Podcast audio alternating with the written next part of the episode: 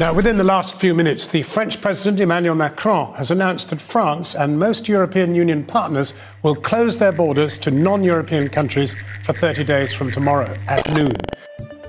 I januari 2020 får världen höra om de första personerna som avlidit på grund av ett nytt virus som drabbat befolkningen i den kinesiska staden Wuhan. Men det dröjer inte länge innan det visar sig att viruset sprider sig ganska enkelt och att det börjar dyka upp utanför Kina. Och även på andra kontinenter. Stater börjar då stänga sina gränser. Först för resenärer från vissa regioner drabbade av smittan, sedan för alla utomstående. Men hur har de här åtgärderna avsedda att stoppa pandemin påverkat alla de människor som bor nära en gräns och som måste resa över den dagligen? Hur har restriktionerna påverkat relationerna grannländer emellan? Har kanske till och med synen på våra grannar nu och efter pandemin förändrats?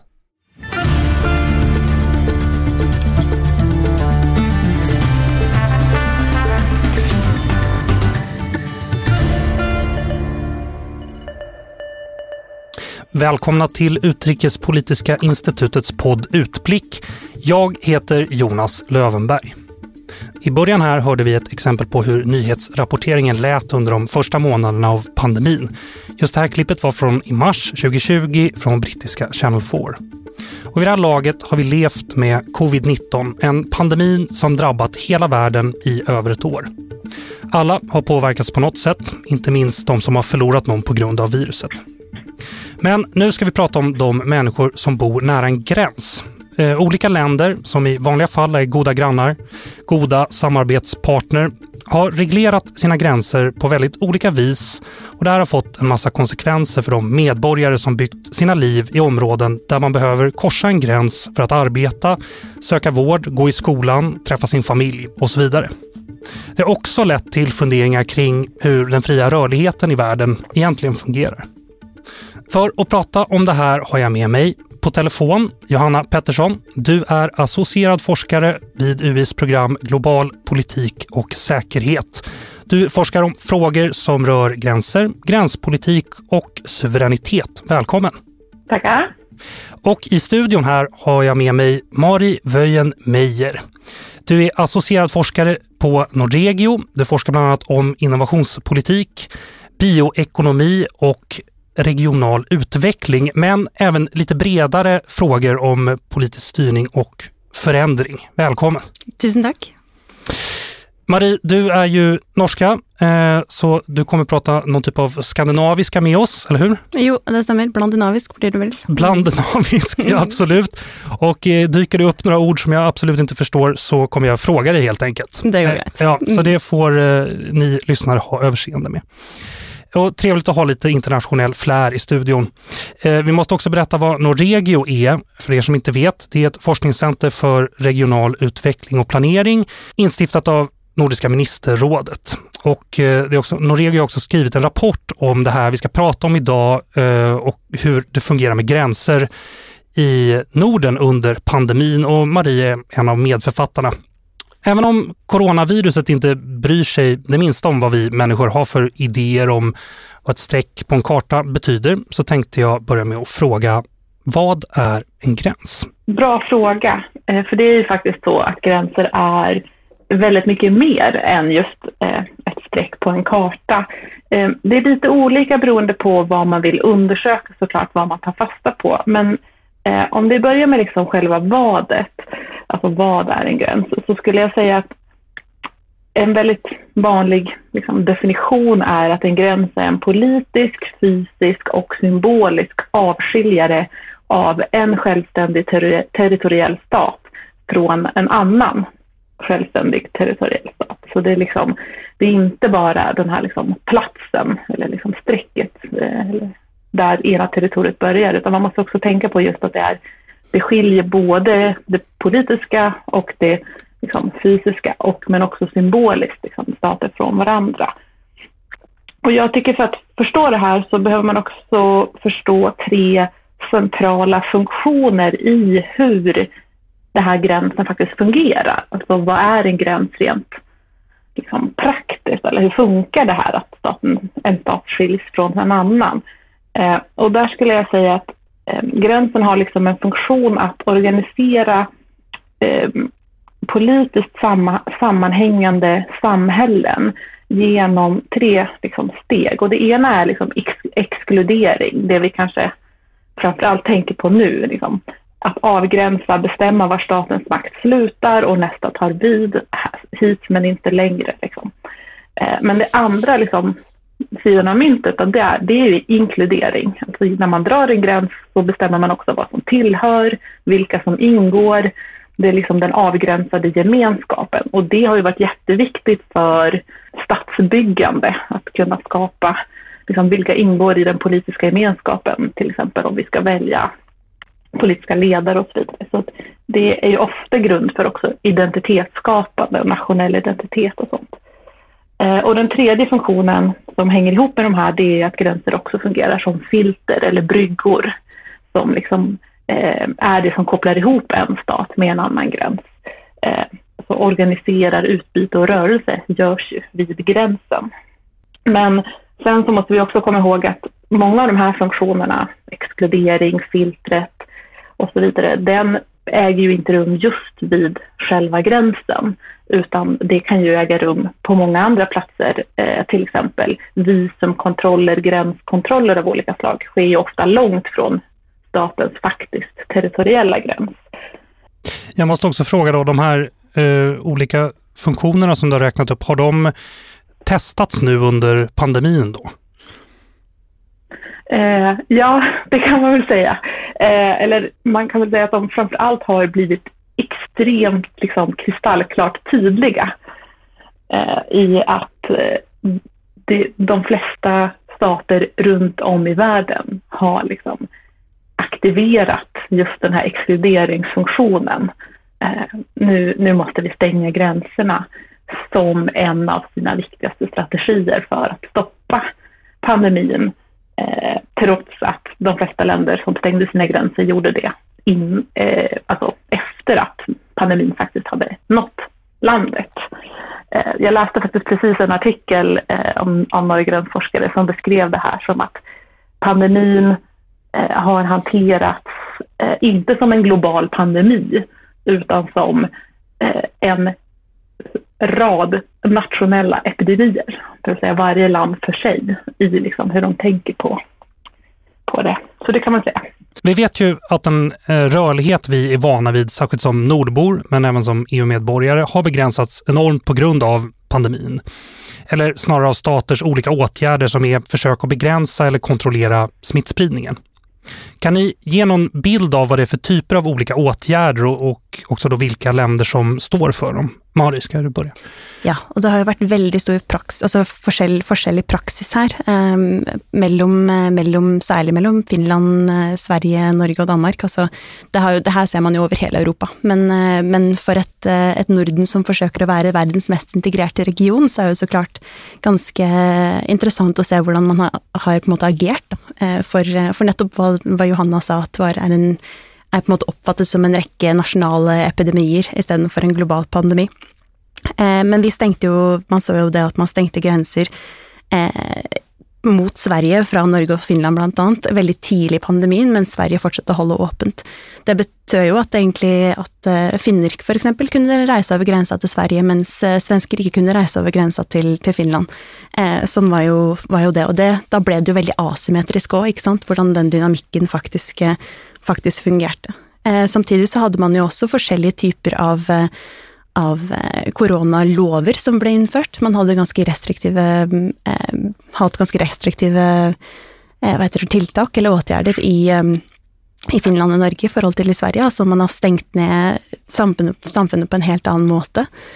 Eh, och det har vært eh, Ja, man har jo en helt annen type styringsstruktur også i Sverige i forhold til i, i Norge og Finland, for exempel når det kommer til det her med ministerstyre, at, eh, at folkehelsemyndighetene har hatt mye større på, altså påvirkningskraft og mulighet til å, å styre enn det f.eks. regjeringen har i, eh, ja, i Sverige. Da. Mens i Norge og i Finland så har det vært mer fra regjeringens side. Så det er en type den strukturella, alltså strukturella forskellen, eller skillnaden mellan, mellan länderna på hur man har kunnat utöva sin myndighet också. Johanna, vad, vad, vad säger du? Har du några exempel utifrån från världen här kanske? Ja, men precis. Eh, om det, om det liksom finns det tydliga skillnader liksom, eh, om jag säger, lokalt här i Norden så, så kan man säga att jag tycker eh, en väldigt intressant sak med den här pandemin har varit hur otroligt lika eh, många länder runt om i världen har han, hanterat det här. Alltså, om vi tänker på EU-nivå så var det ju väldigt snabbt som väldigt många länder införde just inre gränskontroller inom Schengen på ett sätt som var eh, liksom, absolut finns eh, liksom praxis eller liksom, som har gjorts tidigare eh, men som nu gjordes på en helt annan nivå och av länder som inte tidigare har stängt eh, mot andra Schengenländer. Eh, och det här med fri rörlighet och stängda gränser och reserestriktioner, det är ju en typ av åtgärd som i princip alla länder runt om i världen har infört. Vi ska ta ett exempel från Haparanda eh, som har sin finska systerstad Tornio på andra sidan Torne älv. För den som inte hittar på kartan så kan man titta ungefär där Bottenviken vänder. Och Mari, ni har ju skrivit om den här platsen i er rapport om gränser och pandemin. Jag ringde upp Göran Wigren som bor i Haparanda och som arbetat länge med just samarbetet mellan de två städerna på varsin sida av älven. Ibland är ljudet lite knackigt här men vi lyssnar. Haparanda Wigren. Göran Wigren jobbar på Haparanda kommun som chef för samhällsbyggnadsförvaltningen. Han har levt i Tornedalen större delen av sitt liv, både i norr och som nu i söder. Nästan alltid nära en gräns, antingen den norska eller den finska. Han berättar att det roligaste han fått göra i sitt yrkesliv har varit att få bygga ihop Sverige och Finland.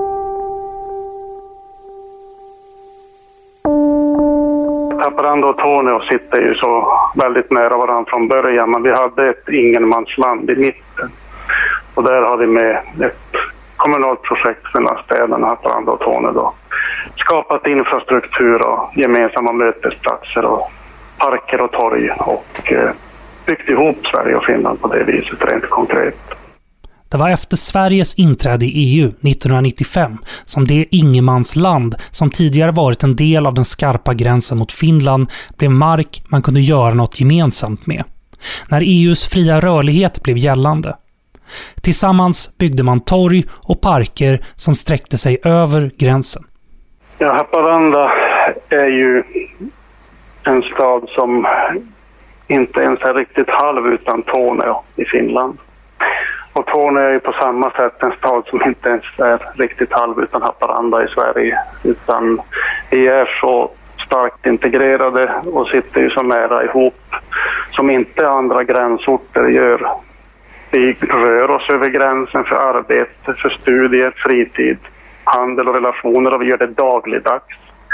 Och vi tar också emot gäster från nära och längre bort som också vill uppleva det här och se det. Så vad hände när pandemin kom? Jag tror det slog för oss alla. Men särskilt mycket tror jag att det drabbade oss i gränsregionerna för att helt plötsligt så ser vi att det blir olika regler för olika människor beroende på vilket pass du har och det blir olika strategier hos myndigheter och alla på sitt vis då hanterar det här och eh, vi hamnar i kläm och vet inte riktigt hur vi ska förhålla oss till det som då händer. Så att eh, om vardagen blev svår för alla så blev den väl ändå lite mer komplicerad för oss som bor och vill röra oss över gränser. Plötsligt fanns det gränskontroller mitt i stan. Något som tidigare hade inneburit en promenad över ett torg var nu belagt med passkontroll och frågor om vilket ärende man hade. För att kontrollera då gränser och gränspassager så är det ju barriärer som ska till och det blir ju då fysiska barriärer som du kunde se och eh, känna på och märka av. Men det blir ju också psykiska barriärer, att det blir mycket svårare att röra sig och jag tror att den biten är nog så betydande tillsammans med de eh, staket som då sattes upp på gränsen. Så att båda två medverkar ju till att du inte gärna rör dig över gränsen. För att även om du skulle kunna få ibland så blir du tveksam till att passera. Och det minskar viljan att röra sig. Så att det fysiska staketet, barriären på gränsen, absolut. Men också de här känslorna som kommer med det. Göran Wigren säger att kommunens gränsöverskridande samarbeten har löpt på. Även om de förstås har fått anpassa sig efter läget, vilket i flera fall inneburit utmaningar. Men förutsättningarna för att det nordiska samarbetet ska återgå till det vanliga efter pandemin tror han inte går att lösa lokalt. Jag tror att eh, det blir väldigt viktigt hur de nordiska regeringarna eh, agerar efter att pandemin är besegrad att om vi fortsätter då att försöka värna vårt eget och införa gränshandelshinder och göra det svårare att arbetspendla över gränsen. Att inte se till att infrastrukturen fungerar över gränsen, att inte kollektivtrafik fungerar över gränsen. Då kommer det att bli en stor skada för det nordiska samarbetet. Och det är då otroligt viktigt vad den här nationella nivån gör. För det kommer att vara viktigare än den regionala och lokala nivån. För vi kommer ju inte kunna klara av det själva om inte statsministrarna står där tillsammans och säger att nu ska vi ta tag i det här och, och rädda det nordiska samarbetet. Jag tror det är så otroligt viktigt.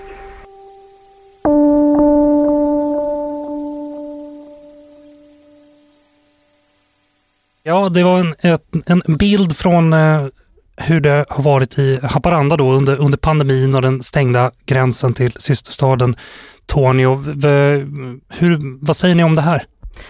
Jag känner igen mycket av det han säger från våra intervjuer eh, med folk i Haparanda Tornio. Särskilt det här om att eh, man lever ett halvt liv och man, man på en måte kommer i kläm. da. Eh, og det ser man också i både Svinesund och i, i København-området over över mot Skåne at folk på en måte ikke har mulighet til å leve ut et fullt liv på grunn av at det som regel det beror på den andre siden av grensen, rett og slett. På en litt annen måte enn det som det halve livet som andre folk lever innad i en nasjon.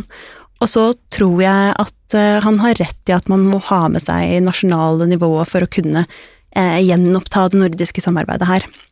Samtidig så spiller det en veldig stor rolle at man fremdeles har en dialog på tvers av av kommunene på tvers av grensene, på grunn av at de er de menneskene som faktisk får de her eh, gemensamma eh, tjenestene til å fungere. Eh, og det, og i, i en by som Haparanda Tornio for eksempel, så er jo det Altså hele byen er jo bygd opp på at man har eh, Man, man har ikke to av alt. Man, man deler på, på, tjenester. Og det er, er, eh, noe som man må faktisk eh, komme overens med. Et godt eksempel på det her er jo for eksempel altså det var en som, som skulle ta et bilde, alltså en foto, og och han hadde hade tänkt att skulle, alltså han ville i ett normalläge bara gå rett över torget på något till foto, till fotobutiken som ligger i Tornio. Men på grund av den stängda gränsen så måste han då köra 130 kilometer till Luleå för att ta det samma bildet. Och det, det, är ju en illustration på hur mycket vanskligare det är eller mye, hvor mye det är, eh, när man inte har möjlighet till att bruka gränsen eller inte, inte se gränsen som man brukar göra. Eh, så, så, det är ju ett gott exempel på, på hvor viktig, eller hvor, hvor, sammensveiset, særlig den byen er, da, som er et, eh, er et eh, godt eksempel på hvordan man faktisk kan leve et grenseløst eh, liv i Norden og i verden. Alltså Göran, vi fick inte med det i inslaget här, men, men Göran sa också till mig när jag pratade med honom att just att han hade ju valt att bo där för att han hade tillgång till både Finland och Norge. Det var ju liksom ett medvetet val att, att leva att, uh, sitt liv där för, för just för det här för att man hade en gräns. Mm. Så att de som har gjort det valet uh, tycks ju också bli väldigt vinklippta av de här eh, nya och eh, temporära gräns, eh, gränsbestämmelserna. Eh, Johanna, vad, hur, vad, det, vad känner du när du hör det här inslaget från Tornio? Eh, från i Haparanda och Tornio. ja, och jag tycker det är jättespännande. Eh, jag, eh, jag har ju tidigare forskat just om förhållandet mellan, då forskade jag om Norges gräns mot Ryssland, men just förhållandet mellan lokalsamhället och lokalsamhällets intressen vid gränsen jämfört med liksom, eh, den nationella nivåns intressen. Och här är ett sånt otroligt tydligt exempel på hur de här krockar eller där liksom, eh, staten tar beslut som liksom, drabbar de eh, boende i den här, eh, vid den här gränsen väldigt tydligt. Um, en annan sak som jag tycker är jättespännande med det här eh, är ju just hur väl det illustrerar det här att en öppen gräns som det här är, det, den, det kräver eh, väldigt hög nivå av förtroende, både mellan staterna emellan men också liksom i lokalsamhället. Att, eh, det kräver bilateralt samarbete och så öppen som den här gränsen är, det är ju tydligt, alltså som Göran säger, att han har liksom jobbat med det hela sitt liv, eller liksom att det är en Alltså det är många, det är lång tid, den här, det här förtroendet som, som krävs för att man ska kunna ha den här typen av öppenhet. Det bygger på att kommunen eh, kan liksom lita på att ja, kommunen här på andra sidan gränsen, vi har gemensamma intressen och vi kommer samarbeta för att det ska bli bra och så vidare. Och man har också litat på just den här nordiska eh, passunionen och att vi inte ska ha stängda gränser. Eh, så att jag tror att ett, ett liksom, en lång, kanske långsiktig konsekvens av det här är ju att för de här gränsstängningarna sker ju asymmetriskt. Det är inte så att kommunerna eller staterna i det här fallet har kommit överens om att okej, okay, men nu gör vi så här, nu, nu stänger vi tillfälligt gränsen mot varandra, utan det har ju, det har ju som du var inne på tidigare Marie, skett eh, väldigt asymmetriskt där Sverige har liksom fortsatt, eh, fortsatt längre att ha liksom öppet eh, än de nordiska grannarna. Och det tänker jag också verkligen skadar det här förtroendet. Så en risk blir ju liksom framöver att att det tar ganska lång tid att bygga upp det här förtroendet igen. Precis, jag, jag, min nästa fråga är faktiskt, jag undrar om pandemin då, eller snarare åtgärderna till följd av pandemin, om de kan skada det nordiska samarbetet? Ja och nej. Eh, jag tror det kommer lite an på vilken inställning man har ja. efteråt, när, allt har, när stövet har lagt sig. Men det som jag tror är det största problemet här är att man inte har på måte evnet att bruka de, eller använda de eh, samarbetsplattformarna som man faktiskt har. Alltså man har Nordisk ministerråd, man har Nordisk råd, och man har möjligheten att bruka dessa, sam samarbetsplattformarna till att faktiskt prata samman. Och det har man ju inte gjort i så stor grad som kanske folk ville trodde att man skulle göra när man snackar om, man snackar ju ofta om att Norden är, är alltså, alltså det fantastiska samarbete vi har, men när man kommer till ett kriseläge som vi är i nu, så plötsligt vänder vi ryggen och, och har ehm, alltså, nationella, alltså, vänder oss mot det nationella igen, alltså att man, man måste vända ryggen mot, mot sina grannar. Och det, och det kan ju vara ett, eh, ett problem eller en risk som, som man ser um, ehm, i framtiden också, att man inte, alltså man är nödt att finna ut hur man, eh, man ska Eh, komme tilbake igjen etter det her, og kanskje faktisk planlegge for en ny krise, for det kommer til å komme nye kriser. Det vet, vi, altså det vet vi ingenting om, men antageligvis. Det er ikke første eller siste gangen eh, det her skjer. Eh, så vi må planlegge ikke bare for kriselege, men faktisk for Altså ikke bare for gode, tider, de gode tider, men också krise, kriselege.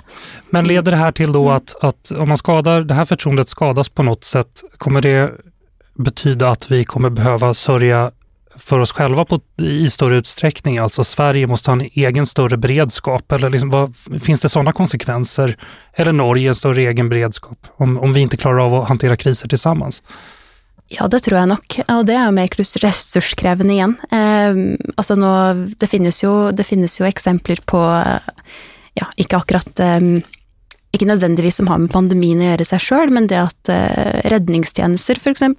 I Norge pleier ofte å få assistanse fra Sverige. Eh, det er noe som uteblir nå, blant annet. Eh, så det er jo et eksempel på hvordan, hvor, hvor avhengig vi faktisk kanskje er av hverandre, da. Eh, det er jo også altså, sjukehus på norske siden av grensen som tar imot svenske svenske medborgere eh, som ikke tar imot dem nå pga. stengte grenser. Så eh, det er jo klart det at det kan hende man er nødt til å, å, tenke helt annerledes eh, enn hva man har gjort tidligere. Eh, och det är ju dumt att man inte ska, om man inte kan samarbeta mer, rätt och slett. Hur har politiken utnyttjat läget? Har ni gjort det på något sätt? Och i så fall hur? Har ni några exempel på det? En sak som man skulle kunna säga det är ju att, eh, eller som jag tycker är väldigt tydligt eftersom jag liksom, eh, hållit på med gränsstängningar eller, eller öppna och stängda gränser även innan pandemin är ju att det finns en lite mer långtgående trend sen kanske 2000-talets början men som också liksom har eskalerat under senare år som är en trend mot allt hårdare gränser i termer av liksom, gränshinder, gränsbevakning, eh, försök att stoppa migration till exempel. Eh, och jag skulle säga att den här liksom, kedjereaktionen i hela världen att, att stänga gränserna som ett, som ett svar på pandemin eh, är ju att man har liksom faktiskt aktiverat eh, en typ av eh, verktyg som redan fanns på plats. Alltså det, det, har redan, det har redan byggt upp under en längre tid. Eh, allt mer sofistikerad teknik för gränsbevakning, ja, olika typer av gränshinder och så vidare. Eh, så jag skulle säga att det kanske har eskalerat en pågående utveckling. Eh, på så sätt liksom, man har utnyttjat eh, politiskt liksom, någonting som redan finns. Eh, och det är klart att eh, olika politiska eh, rörelser eller politiker kan ju såklart utnyttja eh, en kris, oavsett vilken kris det är, till att få igenom eh, politik som man inte annars skulle kunna få, få igenom. Det ser vi lite grann eh, överallt, att det har liksom väckt en lite där vilande auktoritär inställning. Att eh, det, det liksom inte ses jätteproblematiskt att inskränka rörelsefrihet eh, och så vidare. Att liksom hårda tag tyder på handlingskraft och sånt. Eh, på ett sätt som man, man kanske inte kanske hade anat från innan. Marie, vad, vad säger du? Eh, vad tror du politiken har utnyttjat läget på något sätt? Nej, man ser jo, det är ju liksom Johanna säger, altså man ser den här type centraliseringen av makt eh, i, i sent, altså, ja, sentralisering av makt. Da. Eh, mm. Noe som kanske har varit, eh, er nødvendig. Eh, men samtidigt så, så må man inte glömma hur viktigt lokalstyret faktiskt är i nordisk sammanhang och andra städer också. Och det kan, eh, det att flytta på politisk makt eh, och flytta på den väck från flytte den vekk fra folk, kan jo få vedvarende ja, slags type politikerforakt eh, over lengre tid. Samtidig så, hvis man snakker litt mer om, om de, altså, hva folk tror, eh, så har man jo eksempler altså Hvis man ser bare kommentarfelt på sosiale medier, leser man tidninger og kommentarer der, eh, så får man jo også en slags oppfatning om hva Altså hvilke baktanker man tror at politikere har. Eh, med, med stängning av gränser. Som för exempel då, när det kommer till eh, eh, svenska handel och, och gränshandel eh, från Norge till Sverige. Att man, eh, man, man tror för exempel att, att man brukar det här som en, som en måte att omdirigera folk väck från, från Svinesund, särskilt kanske. Eh, för att kunna liksom, ja, eh, bugna upp för vad vi kallar för harryhandel i Norge. Det måste du förklara det Harryhandel, ja. det är ett uttryck som, eh, som en norsk politiker kom med, jag tror det var på 90-talet, eh, för att pröva att få folk till att sluta och resa över gränsen eh, för att köpa billig bacon, tobak och alkohol i Svinesund. Det var rätt och slett ett, ja, ett begrepp för att pröva ja, att få folk att inte resa dit längre, rätt och slett. Och, och, och, mm. och, det är för att man vill behålla eh, handeln i Norge? Man kallar det en, alltså en handelsläckage till, till Sverige och det ser man ju på som ett, eh, som ett problem. Och någon folk tror att det, att det är, en, eh, är kanske en baktanke med att hålla svenska gränsen stängt eh, mycket längre än man, än man kanske hade behövt eller, eller vad man tror man kunde behövt. Och själv om kanske inte det är jag vet inte om det är sant eller inte selvfølgelig, man vet ju inte vad slags typ av tankar man sitter med som politiker, men det att folk tror det, det är ju ett, kan ju vara ett problem på lång sikt. Jag undrar också hur synen på andra länder påverkas. Här. Vi, vi pratar ju om Norden här men jag, ni, och ni får gärna ta exempel från ute i Europa men um, har det här påverkat de nationalistiska strömningarna som, som redan finns i Europa? Eh, Vill du börja Marie? Ja, det kan jo hende at det er sånn at eh, underliggende oppfatninger om, om andre nordiske land har på en måte sterkts da, under pandemien. At man har blitt mye eh, mer klar over altså at man, om man er svensk, norsk, dansk, finsk, islandsk eh, osv. Eh, og det kan hende at det følger den her usikkerheten om hvilken strategi som har vært riktig osv. Og, så og det er jo noe man ikke kan si noe om før om ganske lenge, egentlig. Eh, og da Man ønsker jo som Man blir jo på en måte en slags liten heiagjeng for sitt eget land i det her, eh, egentlig og utviser da også ganske liten forståelse og lite sympati med et annet lands eh, strategier. Og så er det jo sånn at eh, man skal jo absolutt være kritisk.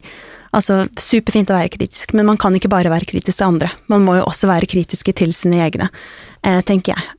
Eller så ender vi opp med en type nasjonalisme som man virkelig ikke ønsker å se. Og det altså i de kommentarfeltene som vi har sett, eh, og, og, det vi har hørt fra våre informanter, så er jo det her noe man er virkelig urolig for. Eh, det her med at det er en slags gryende nasjonalisme. Man har jo masse eksempler på det her også, eh, i praksis. Det her med vandaliserte biler, f.eks. i Sverige. Svenske sjuksköterskor som, som føler seg mistenkeliggjort på jobb i Norge. Man har corona-shaming, som man kaller det. Og man har ja, folk som ikke tør å kjøre med svenske bilskilt i Norge.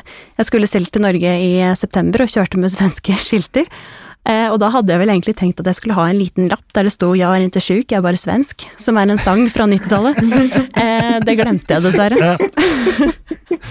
okay, men, ja. ja. men, det blir et slags eh, Men det virker som det er et slags frikort. altså denne pandemien og det at man har stengt grensene, eh, på en eller annen måte virker som å ha gitt et frikort for eh, dårlig oppførsel da, eh, mot andre. Og det har kanskje litt å gjøre med graden av forståelsen for, for hverandres strategier å gjøre. Og kommunikasjon fra myndigheter og i aviser. Mm. Så vad kommer pandemin lämna för spår i hur gränser fungerar och hur samhället förhåller sig till dem? Ska vi börja med dig Johanna?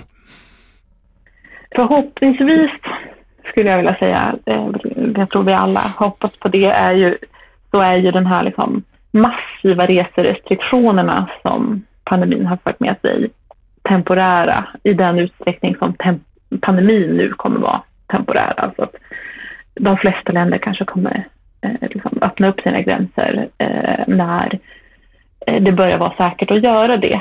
Eh, däremot så finns det ju vissa varningstecken skulle jag säga. Eh, och det är eh, alltså dels det här att pandemin har ju liksom spett på, skulle jag säga, den redan liksom extremt ojämlika tillgången till just internationell rörelsefrihet. Det, det var inte så att det var liksom lika lätt för alla att resa. Alltså vi har ju redan visumregimer och liksom väldigt olika typer av rörelsefrihet internationellt. Och jag tror att eh, i och med liksom hur orättvist fördelat vaccin är nu till exempel globalt så kan det här nog spä på liksom reserestriktionerna och att eh, det kommer bli eh, svårare eh, fortsatt eh, för, liksom, beroende på vilken region man kommer ifrån, att resa. En annan konsekvens som vi har varit inne på redan lite grann, det är ju det här med liksom isolationismen, att eh, den kanske också leder till liksom mindre, sämre förutsättningar för andra typer av globalt samarbete. Vi såg ju redan eh, liksom WHOs förtroende under Trump till exempel, där USA liksom, eh, lämnar WHO-samarbetet och sådär. Att den typen av globalt samarbete som behövs för att förhindra pandemier har liksom kanske tagit lite skada. Eh, så det är jag lite orolig för, att man inte ser internationellt samarbete som liksom lösningen på globala problem. För vi har ju massor av andra globala problem som kräver eh, internationellt samarbete för att lösas. Eh, och sen, ja, det tredje där, som jag skulle vilja säga mm, där, ja. det är också det här med liksom global ekonomisk ojämlikhet. Att en konsekvens av pandemin eh, är att arbetslöshet, eh, missad skolgång eh, i stora delar av världen, eh, extremt stora ekonomiska förluster för vissa samtidigt som liksom, de rikaste har klarat sig ganska bra. Alla de här sakerna eh, kommer ju också spä på liksom andra typer av eh, gränsrelationer, ehm, eh, alltså i hur gränser fungerar till exempel.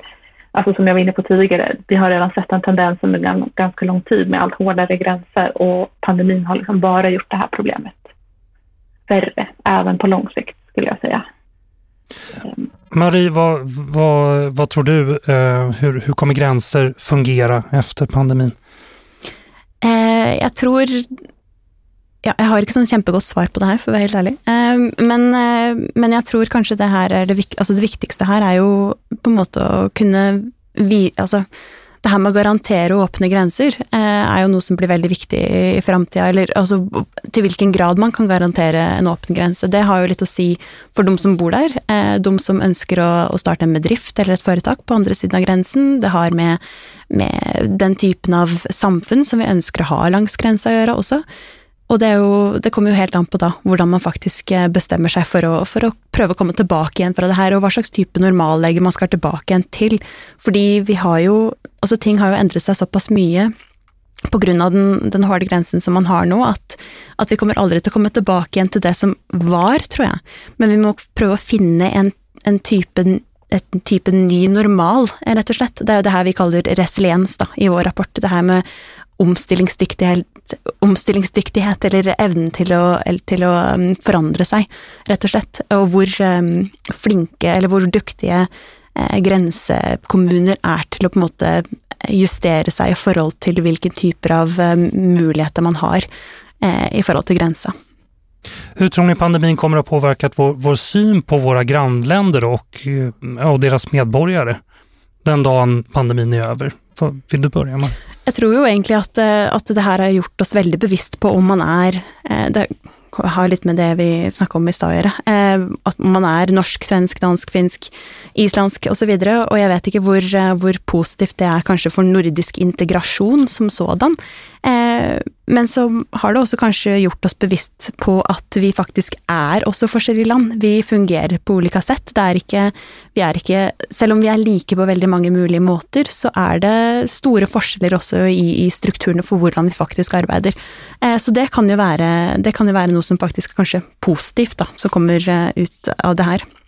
Men det här om, som sagt, det här är en vision om, om det integrerte og sosiale, holdbare Norden som vi har, eh, som man ønsker å på en måte hige etter.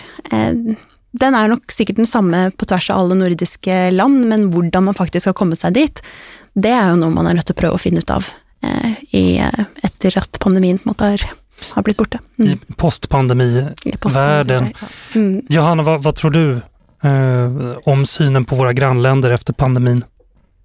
Ja, nej men, eh, jag, jag instämmer med Mari där eh, och jag tänker också eh, om man ska få gissa någonting positivt så kan man ju säga att jag tycker en intressant sak har varit att Norden har liksom kommit upp på agendan igen. Jag tänker att ganska, vi, vi, har ju under väldigt lång tid, tänker jag, tagit kanske varandra ganska för givet. Och Sverige har varit ganska liksom, orienterat mot EU, vilket liksom också såklart den relationen eh, är ju viktig nu också, men jag tänker att eh, det är också viktigt att vi liksom tänker politiskt på det nordiska samarbetet och, och fortsätter att och jobba med att utveckla det. Men så, jag måste ju då fråga, ni är så positiva här. vad, vad, tror ni blir den största eh, utmaningen eh, när det kommer till staters gränser efter pandemin då? Jag tror det har med att göra det jag sa tidigare i stad, att eh, det här att kunna garantera en typ av öppna gränser. Eh, for hvis man ikke kan garantere det, eller i minste garantere at man kommer til å ha en slags åpen eller konstruktiv dialog om hvordan man skal løse denne type situasjoner, så vil nok det ha en betydning for nordisk samarbeid framover, eh, tror jeg, og hvordan det skal også se ut. Så det er nok bare å brette opp ermene og, og, prøve å finne ut om altså hvordan man skal kunne skape en, en eh, gemensam strategi for hvordan man håndterer det her. Om det er sammen, eh, som et, Norden, et gemensamt Norden, eller om det är samman men var för sig. Eh, det handlar om dialog tror jag. Johanna? Eh, ja, nej men jag tänker om vi tar liksom på en global nivå också så, och liksom ett steg utanför pandemin, om vi tänker oss hårda gränskontroller eh, generellt och att de har blivit hårdare under pandemin så är det ju också så att all, den flesta forskningen visar liksom att hårda gränskontroller i sig är liksom en väldigt dålig lösning på de flesta problemen man försöker lösa. Alltså, hårda gränskontroller är väldigt mycket ett symptom på kanske ojämlikhet i ekonomisk och politisk makt. I det här, eh, kanske med nordiska kontexten, så är det snarare liksom ett eh, symptom på liksom en eh, brist på samarbete eller liksom en det finns alltid en typ av asymmetri inblandad i, i stängda gränser. Öppna gränser skapar mer jämlika relationer, stängda gränser är liksom ett symptom på mer ojämlika relationer. Så jag tror att en, den största utmaningen globalt är liksom att bemöta den här fattigdomskrisen som eh, FN har varnat för, som kommer att komma som, ett, som en konsekvens av pandemin globalt. Eh, det, det tror jag är den absolut största utmaningen. Johanna Pettersson, associerad forskare på Utrikespolitiska institutet. Mari Wöjen Meijer, associerad forskare på Norregio. Tack för att ni var med. Tusen tack. Tack så mycket. Du har lyssnat på Utblick, Utrikespolitiska institutets podd. Glöm inte att klicka på prenumerera-knappen i appen där du lyssnar på oss. Om du vill läsa mer om institutets forskning och omvärldsbevakning, titta in på ui.se. Vill du läsa något som Johanna har skrivit om gränser tycker jag du ska kolla in texten Higher Fences and Wider Nets Global Trends in Bordering Policies som du också kan hitta på ui.se. Om du vill läsa Noregios rapport som Mari har varit med och skrivit Closed Borders and Divided Communities, Status Reports and Lessons from COVID-19 in Cross-Border Areas. Eller om du vill ta del av mer av Norregios arbete helt enkelt så gå in på norregio.org. Det är inga korta titlar ni hittar på hörni. Nej. Tekniken för det här avsnittet sköttes av Kristoffer Fabes. Vår vignett har komponerats av Frid en Frid. Jag heter Jonas Lövenberg. På återhörande.